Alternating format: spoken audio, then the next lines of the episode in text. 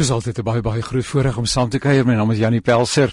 Uh soos jy reeds gehoor het, dis Radio Kansel. Natuurlik weet jy dis Radio Kansel, hoe dan nou anders, nee, jy's ingeskakel op jou gunsteling radiostasie en dis die plek waar mens goeie nuus verneem, maar in hierdie program Perspektief is die nuus nie altyd so goed nie, maar ons dink daaroor na en ons probeer onderskei. Wat sou die Here van ons vra vir 'n tyd soos hierdie? Perspektief is 'n program wat naby aan die aktualiteite van die dag kom en, en 'n bietjie eerlik en oopkop met uh, mense gesels wat 'n opinies en uh, perspektiewe op die tafel wil plaas wat ons kan oorweeg sodat ons in ons eie optrede en ons eie keuses en ons eie gesprekke uiteindelik iets wat meer ingelig is. Daarom som hier reg aan die begin die uh, menings wat uitgespreek word in hierdie program is nie noodwendig die van Radio Kansel nie, maar dit is ter wille van meer inligting en ter wille van uh, die leersaamheid van hierdie hele ervaring. So I want to welcome you in the wonderful name of Jesus Christ, our Lord. What a wonderful, incredible privilege it is to spend this time with you. This program's name is Perspective, and we're trying to get as close to what's happening in South Africa as possible. And uh, in that regard, we uh, we liaise with uh, people that uh, have opinions regarding these things. They study it. They are scientists. They are knowledgeable. They are specialists in their field, and they share what they think and what they know and what their perspective is. Is and then ultimately you can make an informed decision. Therefore, the uh, whatever is expressed in this program is not necessarily what Radio Pulpit understands rights, uh, but it is presented for you uh, to make a wise choice and to be able to really be informed in your discussions and whatever uh, may transpire.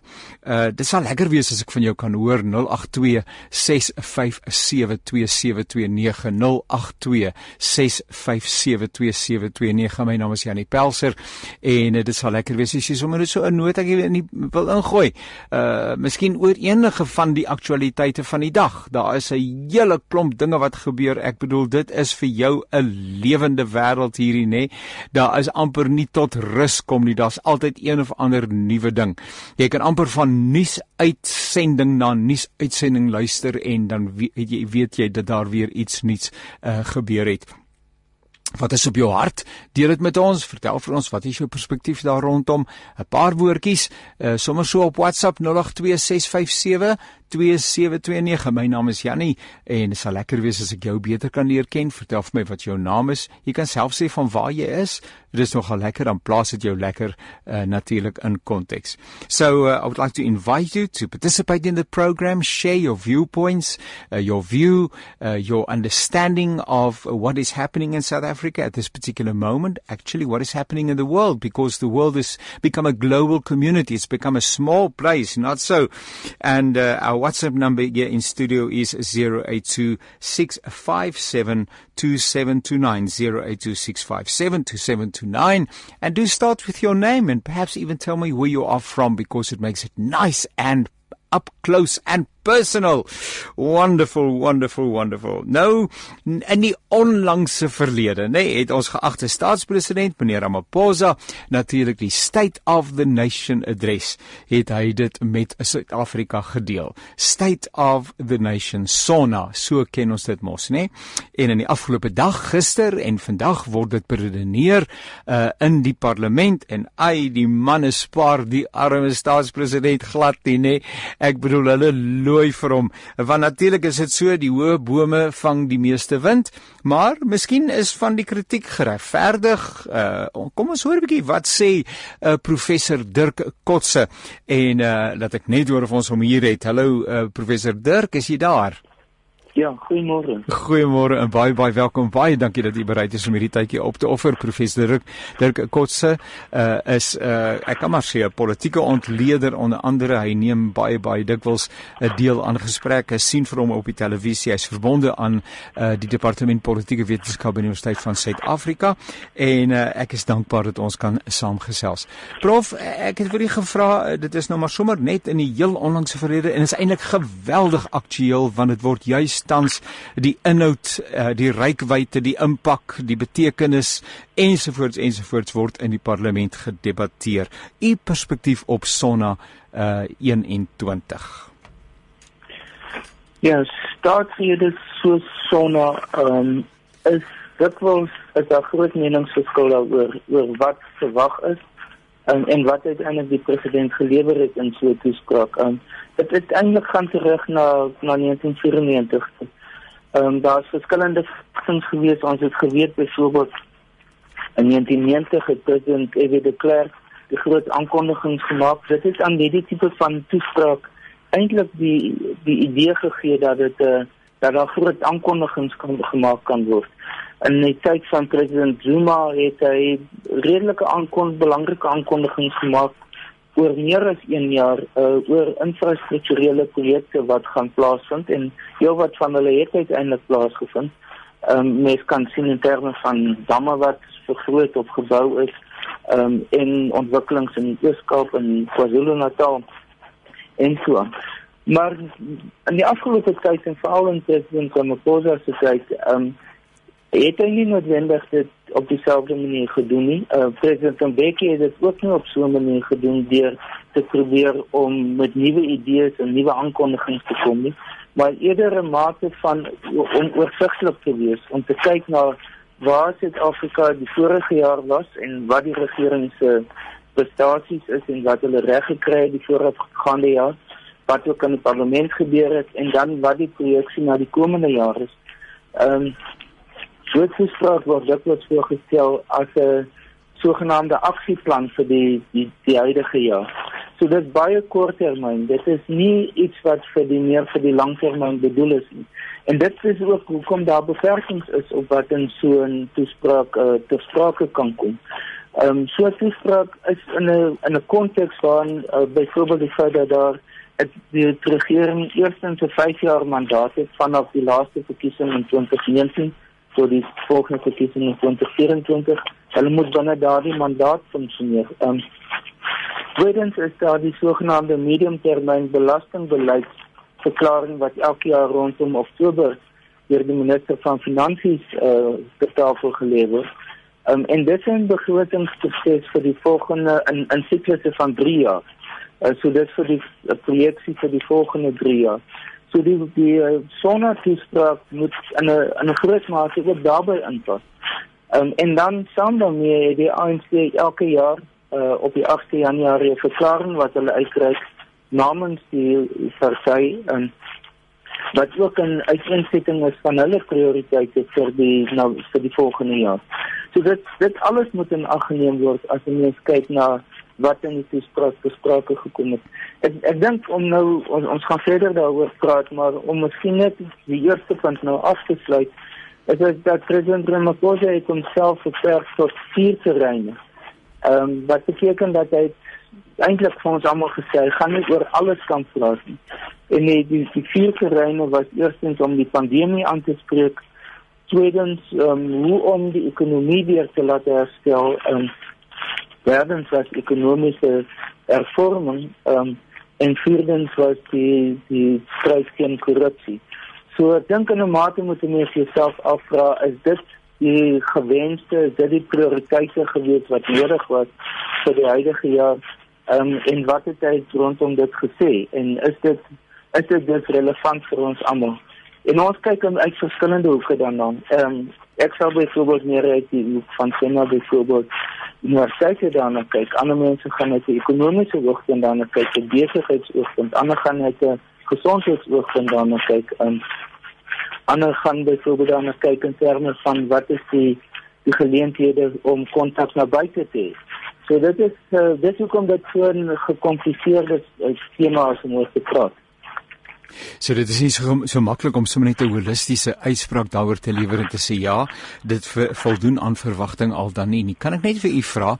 Dis vir my so asof die twee terme, die Afrikaans en die Engels, uh, van twee verskillende goed praat. State of the nation, as ek dit nie verkeerd interpreteer wat goed moontlik is, maar dit laat my 'n gevoel kry dat daar word gepraat oor wat is tans op grondvlak aan die gang. Wat wat beleef Jan publiek uh en en en en en, en wanneer dit praat oor die staats rede dan lê dit weer op 'n ander vlak. Uh so as daar gepraat word oor the state of the nation dan sê ek redelik desperaat dankie meneer die staatspresident. Maar dit lyk vir my uh die die die woorde uh waarna verwys word na hierdie geleentheid uh, kommunikeer twee verskillende inhoude of is dit maar sommer net in my verkeerde verstaan? Nee, ek, ek dink dit is baie korrek daarmee. Ehm um, dit is ek moet nou nog 'n ander kop twee konsepte wat ook moontlik bespreek is en dis die die Amerikaners gebruik die konsep State of the Union. Ehm um, wat ja. uh, 'n kombinasie daarvan is is om te kyk na die stand van Amerika op baie vroeg in Januarie is dit jaarliks in dit plaas. Ehm um, en dan ook wat is die die projeksie vorentoe van wat die president wil doen. Ehm um, dan is daar natuurlik ook die opening van parlementsrede. Ehm um, ons sien dit dikwels in lande waar daar byvoorbeeld ehm, 'n um, 'n monarg, 'n koning of 'n koningin, so die Britse koning en dat die parlement open en dan 'n 'n toespraak lewer in haar naam as staatshoof. Maar dit het eintlik gedit ook 'n refleksie op wat in die pipeline is vir die komende jaar wat die regering wat die parlement gaan doen. So daar is definitief verskillende beskouings oor wat die plek van so 'n toespraak is. Um, dit hoekom ek ook in die begin nou gesê het is dat daar ook verskillende verwagtinge is van afhangend van wat die mense posisie in die gemeenskap is en wat jou jou loopbaan is waarmee jy besig is en wat jou belange is. Um, en dit alles speel 'n rol om om te bepaal of mense sê dit uh, gepaste toespraak gewees of die twee volumes is. Nou hierdie was 'n sogenaamde hibriede ehm um, weergawe by wyse van spreuke van parlementsopening met die kostebesparings en alles wat daarmee gepaard gegaan het as ook uh COVID en die regulasies en die beperkings wat dit plaas. Die interessante is en ek nou vra sommer net 'n noot om ons sê so tussen hakkies dat uh, daar uh, met groot vanvare en daaroor was be almal opgewonde 'n uh, melding gemaak is dat die opening uh, net diskant 100 000 rand sou kos uh in vergelyking met voor vorige jare waar dit 'n astronomiese 2 of meer miljoen rand gekos het, maar toe val die liewe Eskom ons en daardie oefening om vir die 2-3 ure wel die nodige elektrisiteit te voorsien, het toe die koste van hierdie parlementsopening ver buitekant proporsie gejaag. Ja, dit is dit is 'n uh, 'n addisionele element wat gesprake gekom het. Ek dink nie mens moet argumenteer dit was net ter wille van die parlementsopening. Ek meen ons almal het gebaat vir die feit dat ons elektrisiteit gehad het. Ja.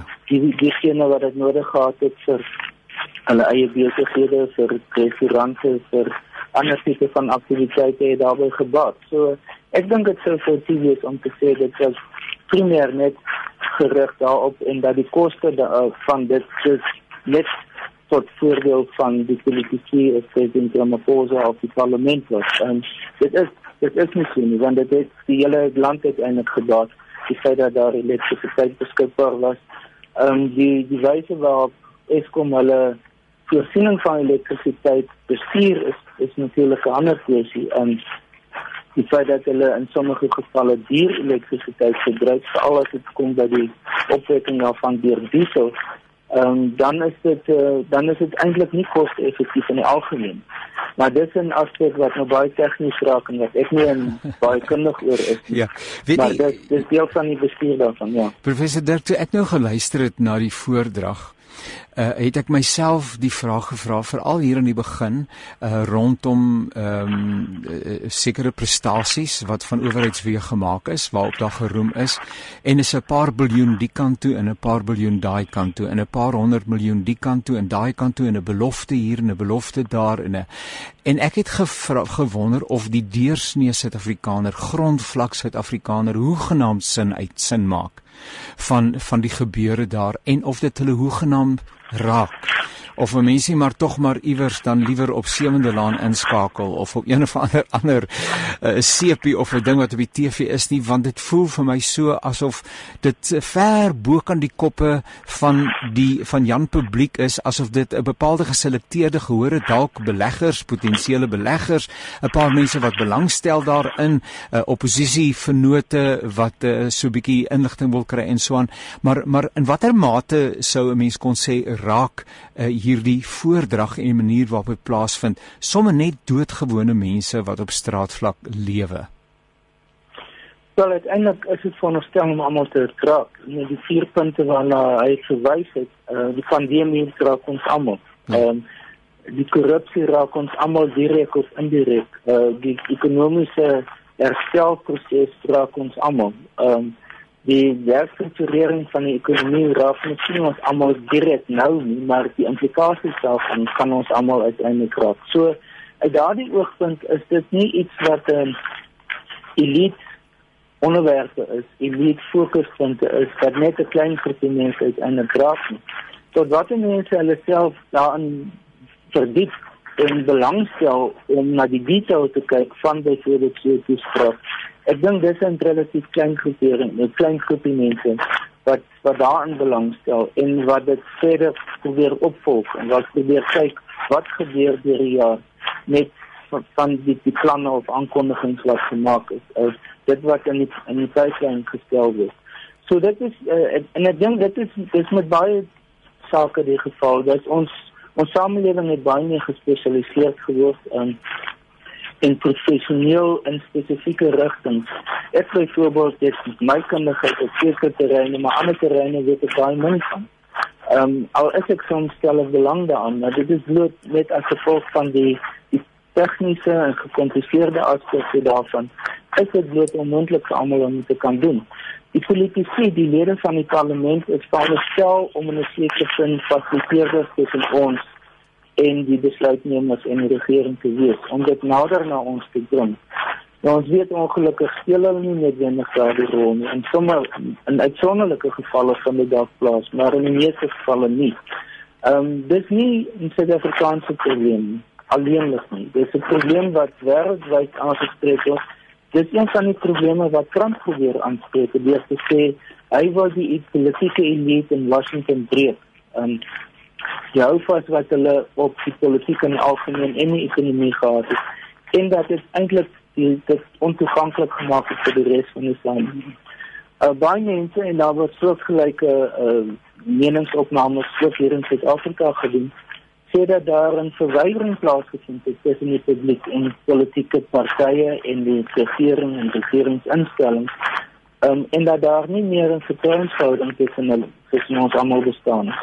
So dit en en dit dis 'n wêreldwye verskynsel en dit is hoekom partye en so dikwels uh hoe hoe kom nou so dikwels populistiese teenreaksies daar die die so van plaas. En so dis nou baie lank ja. verduideliking wat ek probeer gee, maar dit dit kom daarop neer dat daar is reg, daar is 'n gaping tussen die mense op die grond en hierdie tipe van gebeure. Uh professor Dirk, ehm um, nou uh, uh ons tydjie is beperk, maar is so lekker om met u te gesels. Ek moet 'n volgende keer sommer 'n hele 'n hele uur saam met u kuier en net by u kom leer, uh saam met ons saam met ons luisteraars. Uh maar nou luister mense na gister en vandag gaan dit voort en dan sal die uh, die die staatspresident terugkom en dan sal hy weer sy rubriek lewer. En uh, is dit maar te verwagte dat uh, oppositiepartye nie genoos sal neem en dat hulle krities staan en baie min erkenning gee aan dit wat gedeel word in so staatsrede. Uh party van die bewoording is daarom erg reguit uh wanneer ek dink byvoorbeeld aan ehm um, maak nou nie saak dat ek voorbeelde noem nie maar maar maar maar oorwegend is die is die terugvoer wat van politieke partye rondom die staatsrede ontvang word is maar negatief en uh nie baie waardering nie. Ja, ek dink dit is dis deel van hulle rol. Dis deel van die rol van oppositie is om veral so 'n geleentheid 'n baie sterk standpunt in te stel en dan verkieslik ook hulle alternatief voor te stel. Dit gebeur nie baie dikwels nie. As jy kan teruggaan gaan na die periode voor 1990, toe dit nie noodwendige staatsrede genoem is nie, maar die opening van die parlement rede genoem. Wat dit tradisioneel dat dit opgevolg is met 'n motie van wantroue jaarliks. Dit was deel van die tradisie geweest. So dit was dit wat ons dit dit dis beteken dat die die oppositie eintlik probeer het om die regering tot 'n val te bring. Ja. Op grond van dat die die uh, oefening van die parlementsrede nie oortuigend genoeg of uh, genoeg genoeg indruk gemaak het op die publiek in in die oppositiepartye. So dit is 'n mate van parlementêre tradisie wat daar bestaan.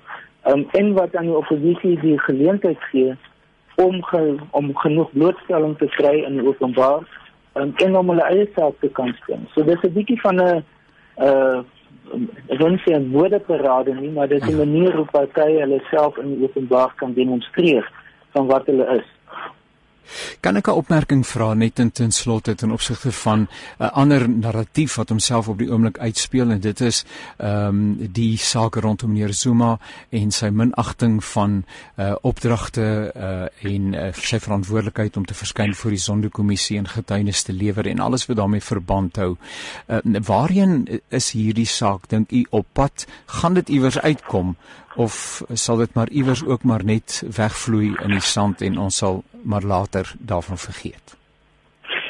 Op die oomblik dink ek dit is 'n stryd tussen twee benaderings. Die die uh, benadering van regter Zondo, die benadering by implikasie van re, uh, president Ramaphosa aan die een kant is die van die die regsproses. Uh, dat dit moet gaan na die grondwetlike hof toe, die grondwetlike hof moet 'n besluit daaroor neem en of reg of, of president Zuma skuldig is en wat sy vonnis moet wees.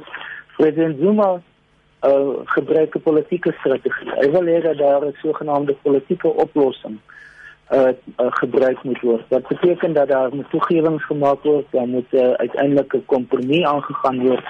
En die kompromie kan net van die kant van die sondekommissie en van die regering kom, nie van sy kant nie. Ehm um, so dit dit dit 'n magstryd tussen watter een van die twee strategieë gaan gebruik word. Ehm um, my vermoede is is dat dit uiteindelik die die regstrategie die een van die van uh, regter Zondo dat dit die een is wat die die sterkste gaan uitkom uit hierdie proses of president Zuma is eintlik werklik frontie sal gaan dis 'n ander vraag maar ehm um, ek dink die almal het hulle hake nou daar aangeskop deur te sê ons kan nie verder dat laat dit in gepolitiseer word nie. Um, en dat dit in uh, gedwing word in 'n sogenaamde politieke uh, oplossing uh, want dit gaan groot onsekerheid in in die algemeen tot gevolg hê vir die regstelsel die opgesag van die reg het vroeër gepraat van uh die die idee van dat daar vertroue moet wees in die Suid-Afrika in die algemeen maar ook in die regering en die Suid-Afrikaanse ekonomie die regstelsel is een van die die kardinale pilare daarvan en as daar vra daaroor ontstaan of onsekerheid daaroor ontstaan sal dit sal dit baie baie nadelig wees vir ons almal. So ek dink ons dit is 'n dis 'n waterscheidingspunt wat bereik is en uh dat daar nie kompromie nou weer vorentoe aangegaan sal word nie. So en uh, om dit op te som, ek dink president Zuma ehm uh, gaan in 'n hoek is in 'n hoek en hy gaan baie moeilik daar uitkom. So gesels professor Dirk Kotse en hy is verbonde aan die Universiteit van Suid-Afrika. Hy is daar by die departement politieke wetenskap. Ons gesels weer in die toekoms en baie baie dankie vir u deelname. Baie dankie. Sien mense tot sins. Nou ja, dis 'n baie interessante wêreld waarin ons woon nie waar nie en uh what is going to happen in terms of uh what is uh, transpiring uh, at the Zondo Commission, Mr Zuma, our previous state president um, the meeting that the uh, the, the ANC had over the last weekend, uh, pertaining also to Mr. Ace. How are these things going to play out? Uh, these are very, very important questions. It concern uh, all of us because ultimately, um, unless we can trust judicial processes, we have a problem in South Africa. And uh, we already face a tremendous problem in this country and uh, these things need to be sorted out and so on. Maar dit is my voorreg om te gesels met uh, Estie Pinaar. Hallo Estie. Hallo, hoe gaan dit? Ja, nie dit wonderlik om met jou te kan gesels. Dit gaan klop klop Tusselboom, dankie. En Estie is 'n is 'n baie bekwame en bekende uh en geliefde dramaturg en klomp ander dinge wat daarmee verband hou, uh wat diep spore trap uh, in uh, ook in die gemeenskap daar waarvan ek vandaan kom, uh, naamlik 'n uh, Kreersdorp en Wesrand en dis meer. En uh Estie, uh die drama en goeters dis naby aan jou se lyf nê, nee, is dit maar ingebore dink jy? Ja, ek dink dit het maar gekom maar van klein tyd af. Ja. Ek was geweldig in verlees en veral poesie is maar my affiliasie. Maar dit is so, ek kom uit 'n gesin uit my papie het geweldig mooi gesing, my mamma het geweldig liefde storie vertel en so dit kom 'n lang pad en ja, ek dink dit is maar ingebore, dit is maar in die gene. Nou uh, is die uh, tydens uh, uh, of ter aanvang van Sonna aan die begin het ons staatspresident uh, weer 'n klomp baie mooi goeders gesê uh, wat ja. verband ja. hou daarmee dat hierdie nasie, dat Suid-Afrika sal herrys. Trouens ek het hierdie koerant ek knipsel hier voor my waar dit daar staan Cyril gebruik fynbos as 'n meetvoer en uh, ons ons onthou hy vertel het van die brande wat kom maar die goed groei weer nê en dan staan daar die land sal herrys ensovoorts ensovoorts en so aan. Maar hy het ook 'n gedig aangehaal van 'n uh, ontslape digter en aktivis, Maya Angelou. Uh en uh dit is nogal 'n baie interessante en uh ook 'n uh, 'n uh, gedig wat 'n ou nogal uh, so 'n bietjie uh, in 'n positiewe atmosfeer bring uh, waar jy sê maar wag by hoek of kroek maar ons sal ons sal uiteindelik opstaan. Uh, wat doen hierdie gedig vir jou voordat ek jou gaan vra om dit voor te dra, maar wat doen hierdie gedig vir jou? Vir my persoonlik kyk meeste mense sien dit uh, as 'n politieke gedig. Ja. Uh, en as 'n mens kyk na die agtergrond toe sy dit geskryf het, kyk sy as 'n menseregte aktivis en uh, sy praat ook in hierdie gedig direk met haar onderdrukkers. Met ander woorde, sy lig al die probleme uit van onreg en leuns en uh, um, gebrokenheid, verbale teistering, uitdaging en tarting. Maar sy herhaal die hele tyd. En dit is die kragtige boodskap van hierdie gedig dat uh, die deurlopende tema is 'n tema van oorlewing en bevryding. En na 'n trauma of 'n direkte besluit wat 'n mens geneem het. En in hierdie gedig vir my persoonlik ons kinders en baie keer as ek dit in die drama klas vir die praktiese kinders uh, gee of hulle dit self kies dan maak dit eintlik dat hulle dit hulle eie maak want hulle kan daarmee identifiseer as as 'n tiener wat op soek is na identiteit maar wat weet eendag sal ek bo uitkom. Hulle beleef dalk self fisiese teistering. Hulle beleef dalk verwerking van ouers. En dan wanneer hulle hierdie gedig hulle eie maak is dit dan vir hulle meer 'n motivering om bo uit te kom. Want dis wat sy sê jy ek sal bo uitkom na alles wat jy aan my gedoen het. Maar in haar gedig en in die konteks wat sy dit geskryf het praat sy direk met haar onderdrukkers. Maar hierdie gedig kan op so baie wyse toegepas word nie noodwendig op die politiek nie. Dink jy die gedig het vir my is dit ja. 'n kragtige boodskap wat ek baie keer gebruik uh wanneer ek mense moet motiveer om om om weer sterk te staan en op te staan. Ek sien die gedig is in 1978 geskryf, uh, Still ja. I Rise en uh, ja. dit is in haar derde bundel met dieselfde titel gepubliseer. Ek uh, dink jy ja. dat die gedig het vir ons iets te sê in Suid-Afrika? Is dit 'n uh, relevant aangehaal? Was dit 'n goeie keuse geweest van die staatspresident? Ek dink die staatspresident het dit gebruik juis meerendeel politiek gerig vir sy mense maar onthou dit is ook in hierdie tydsak wat ons nou leef met ons pandemie. Ons sal nie laat dit ons onderkry nie. Ons sal uitstyg met al ons uh, uh, korrupsie en met ons uh, al die geweldige uh, sake wat nou aan die gang is en so meer. Ek dink wat hy wou doen is dat hy dit gebruik het as ons moet hierdie dinge sien, maar ons as 'n volk en as 'n eenheid we shall rise. Ons sal bo dit uitstyg as ons staan. Ek dink dit was sy motivering en ek dink ook dit is soos meeste van die mense in Suid-Afrika dit gesien het. Ons het ons bietjie kritiek gekry. Ons luister baie graag na jou as jy dit vir ons voorhou. Ek lees dit graag. Still I Rise by Maya Angelou. You may write me down in history with your bitter, twisted lies. You may trod me in the very dirt, but still, like dust I'll rise. Does my sassiness upset you? Why are you beset with gloom? Because I walk like I've got oil wells pumping in my living room just like moons and like suns, with a certainty of tides, just like hope springing high, still I'll rise. Did you want to see me broken? Bowed head and lowered eyes, shoulders falling down like teardrops, weakened by my soulful cries. Does my haughtiness offend you? Don't you take it awful hard, cause I laugh like I've got gold mines digging in my own backyard. You may shoot me with your words. You may cut me with your eyes.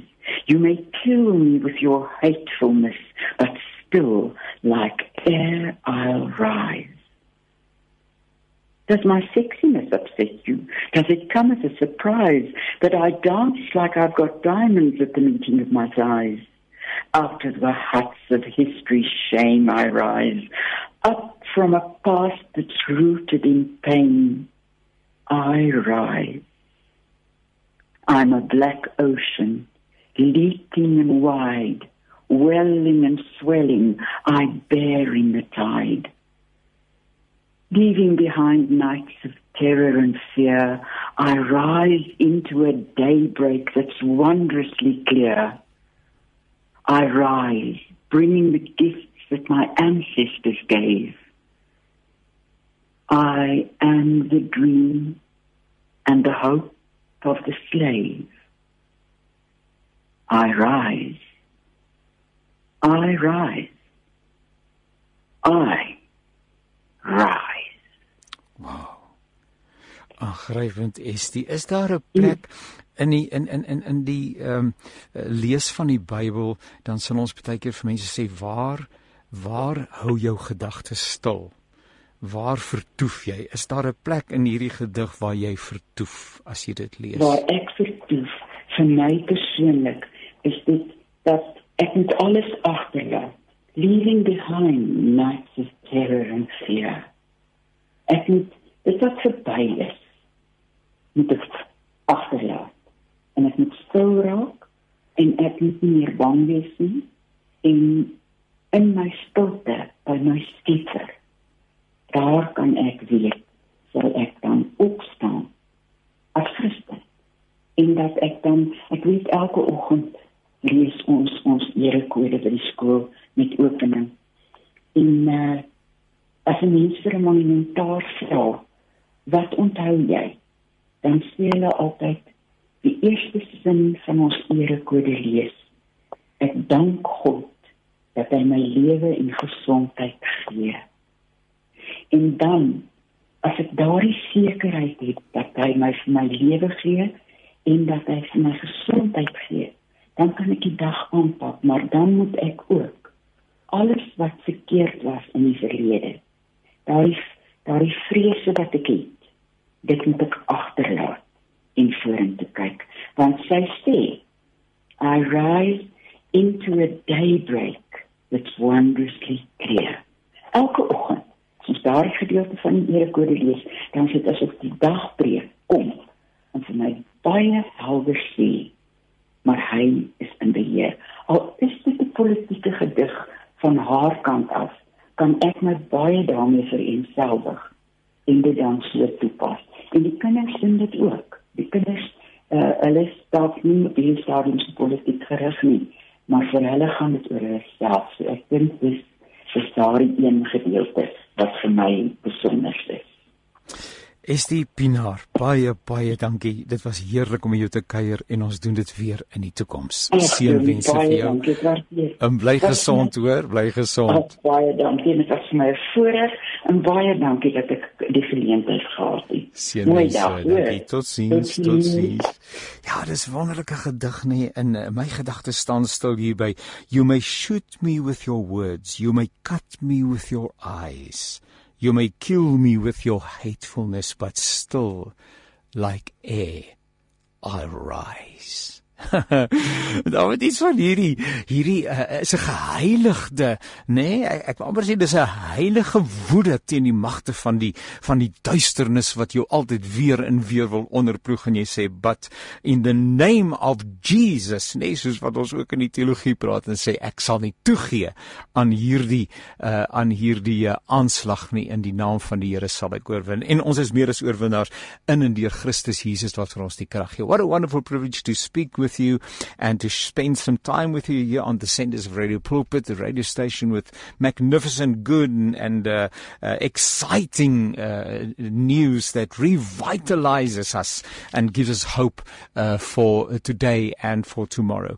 Uh, there was research undertaken, just before I speak to our next uh, participant, there was research undertaken by a certain person. He, he, he studies the future and future trends and what's happening uh, uh, in terms of the the moral uh, fiber of a nation of people. What is it that they are struggling with? His name is George Barner, and if I'm not mistaken, uh, this is the particular researcher that I'm referring to. It may be somebody else, but I think it's George Barner, and he said that uh, they did some research uh, in South Africa amongst Christians.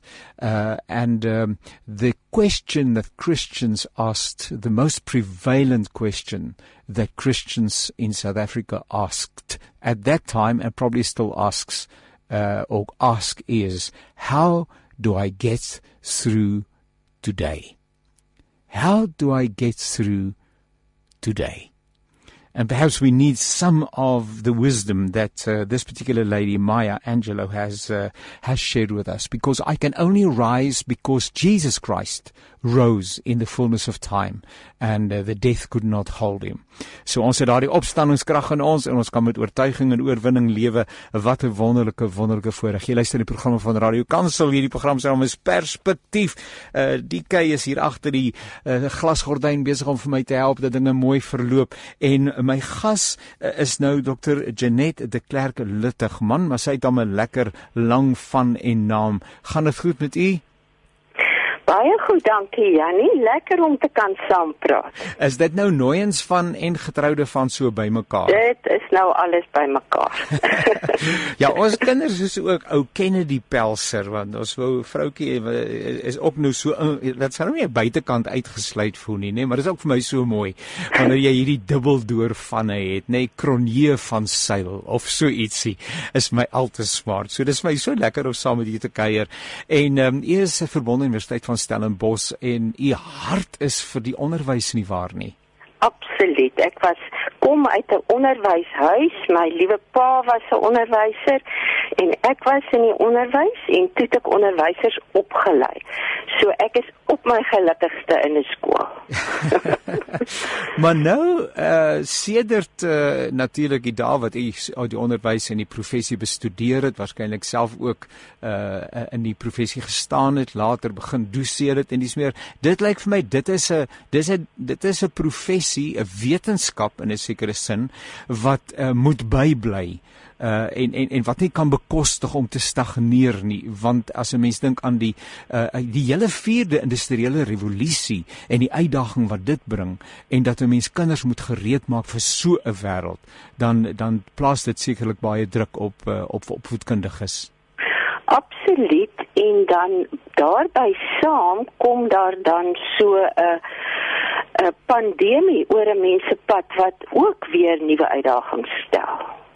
Nou die pandemie het dinge dan nou lekker die mekaar gekrap nê nee? en ons is al reeds meer as 'n jaar wel bykans 'n jaar as dit nie al meer as 'n jaar is nie aan die ander kant hiervan worstel steeds daarmee net vanoggend op pad na die ateljee toe hoor ek daar word lewendig gepraat oor 'n derde golf uh die moontlikheid daarvan mag ons dit gespaar bly maar feit van die saak is net uh dan dan lê dit waarskynlik op die weg uh, sou dit met dieselfde vors en impak kom as wat die tweede gekom het sou dit waarskynlik weer 'n geweldige druk veroorsaak uh, op die die onderwysprofessie as sodanig.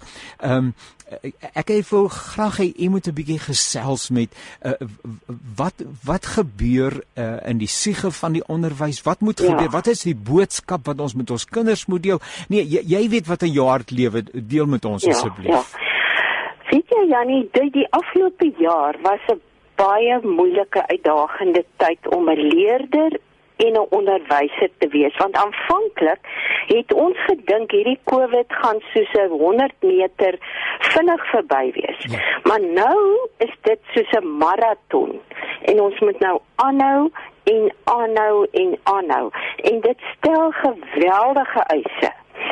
Uh ek ek wil net ek dink nie mense besef dat die lang rukke wat ons leerders weg is van die skool as gevolg van grendeltyd en die feit dat hulle nie elke dag skool toe gaan nie, is eintlik baie nadelig vir kinders fisies hulle intellektuele ontwikkeling, hulle emosionele ontwikkeling en hulle sosiale ontwikkeling. Ongeveer 80% van al die leerders in ons land het nie enige sinvolle onderrig en leer gedoen tydens grendeltyd nie. Want in Mpumalanga byvoorbeeld het hulle gevind dat net 4.4% van alle huishoudings het direkte toegang tot die internet. So daar eintlik vir groot dele van verlede jaar het daar by baie leerders geen onderrig plaasgevind nie. Nou op emosionele vlak het het die het die kinders en die tieners verlede jaar en steeds ons moenie dink dit is verby nie. Verhoogde angs, spanning, depressie en hulle het gevind dat dit by kinders en tieners tot 4 keer hoër is ja. as by volwassenes. Ja. Want daar is soveel vrae in ons kinders se koppe en harte gaan iemand van ons familie dalk siek word met COVID? Ja, ja. Gaan oupa of ouma dalk sterf? Ja, ja. Kan ek nog verder gaan swat as my pa sy werk verloor? Ja, ja. Wat van interskole en matriek? En ons het gelees van soveel tieners vir wie dit eenvoudig te veel geword het en wat dan hulle eie lewe geneem het. So, so. Ons kan al hierdie dinge opsom deur uh, emosioneel deur te sê dat in Engels learners are sad, mad and scared. Ja. Ja. Nou in Gauteng het hulle gevind dat 3000 leerders het eenvoudig uitgeval ja, en hierdie ja. jaar nie eers teruggekom skool toe nie. Ja. Ag as ons dink aan die fisieke ontwikkeling, baie leerders wat nie in die skool was nie, is wangevoed. En dis baie hartseer, maar byvoorbeeld kindermolestering het erg toegeneem verlede jaar tydens Grendeltyd. Die ander ding van leerders se siege is leerders het eenvoudig die struktuur en die rotine van 'n skooldag en 'n skoolweek nodig. Want dit skep ritme en dit gee struktuur en sekuriteit aan hulle dag. Dit is nie goed een dag na die ander net maar verbygaan ongestruktureerd nie want dit skep weer is met die teelaarde vir slegte gewoontes. Ja, ja. Hulle slaap te laat, ja. hulle kyk te veel TV. Ja, ja. Al die goed kan gebeur en gebeur wanneer 'n mens nie daai struktuur van die skooldag het nie. Wat hulle sosiale ontwikkeling betref, is dit ook vir hulle baie swaar. My my klein seun het elke keer as ek kom gebel het, net vir my gesê, "Ouma, ek verlang na my maats. Ek wil so graag weer met hulle sokker en rugby speel." Ja. En vir al leerders wat baie goed is in sport en wie se identiteit sterk gekoppel is aan sport, hulle kry ook swaar. Nou wat leerders se intellektuele ontwikkeling betref is die grootste persentasie van ons leerders het eenvoudig akademies agtergelaat. Dink maar aan ons jong leerders. Hulle vergeet vinnig wat hulle leer. So hulle het baie herhaling en baie tyd saam met 'n juffrou nodig. Ja. Onthou net die rekenaar kan nooit 'n juffrou vervang nie. Ja. Ja. En dit het nie verlede jaar gebeur nie. Hulle het nie daai herhaling gehad om basiese kennis vas te lê nie. En daarsonder gaan die krake vorentoe wys. Nou wat het hulle nodig, Jannie? eenvoudig hulle het uh, ek wil nou maar meer van die skool praat en nie so baie oor die oor die oor die uh, gesin nie.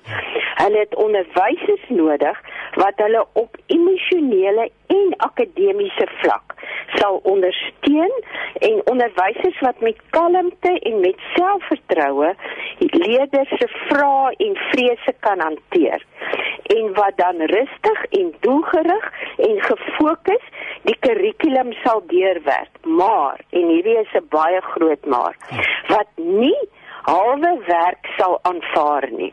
Ons kan nie nou omdat ons in 'n pandemiese situasie is halwe werk aanvaar nie.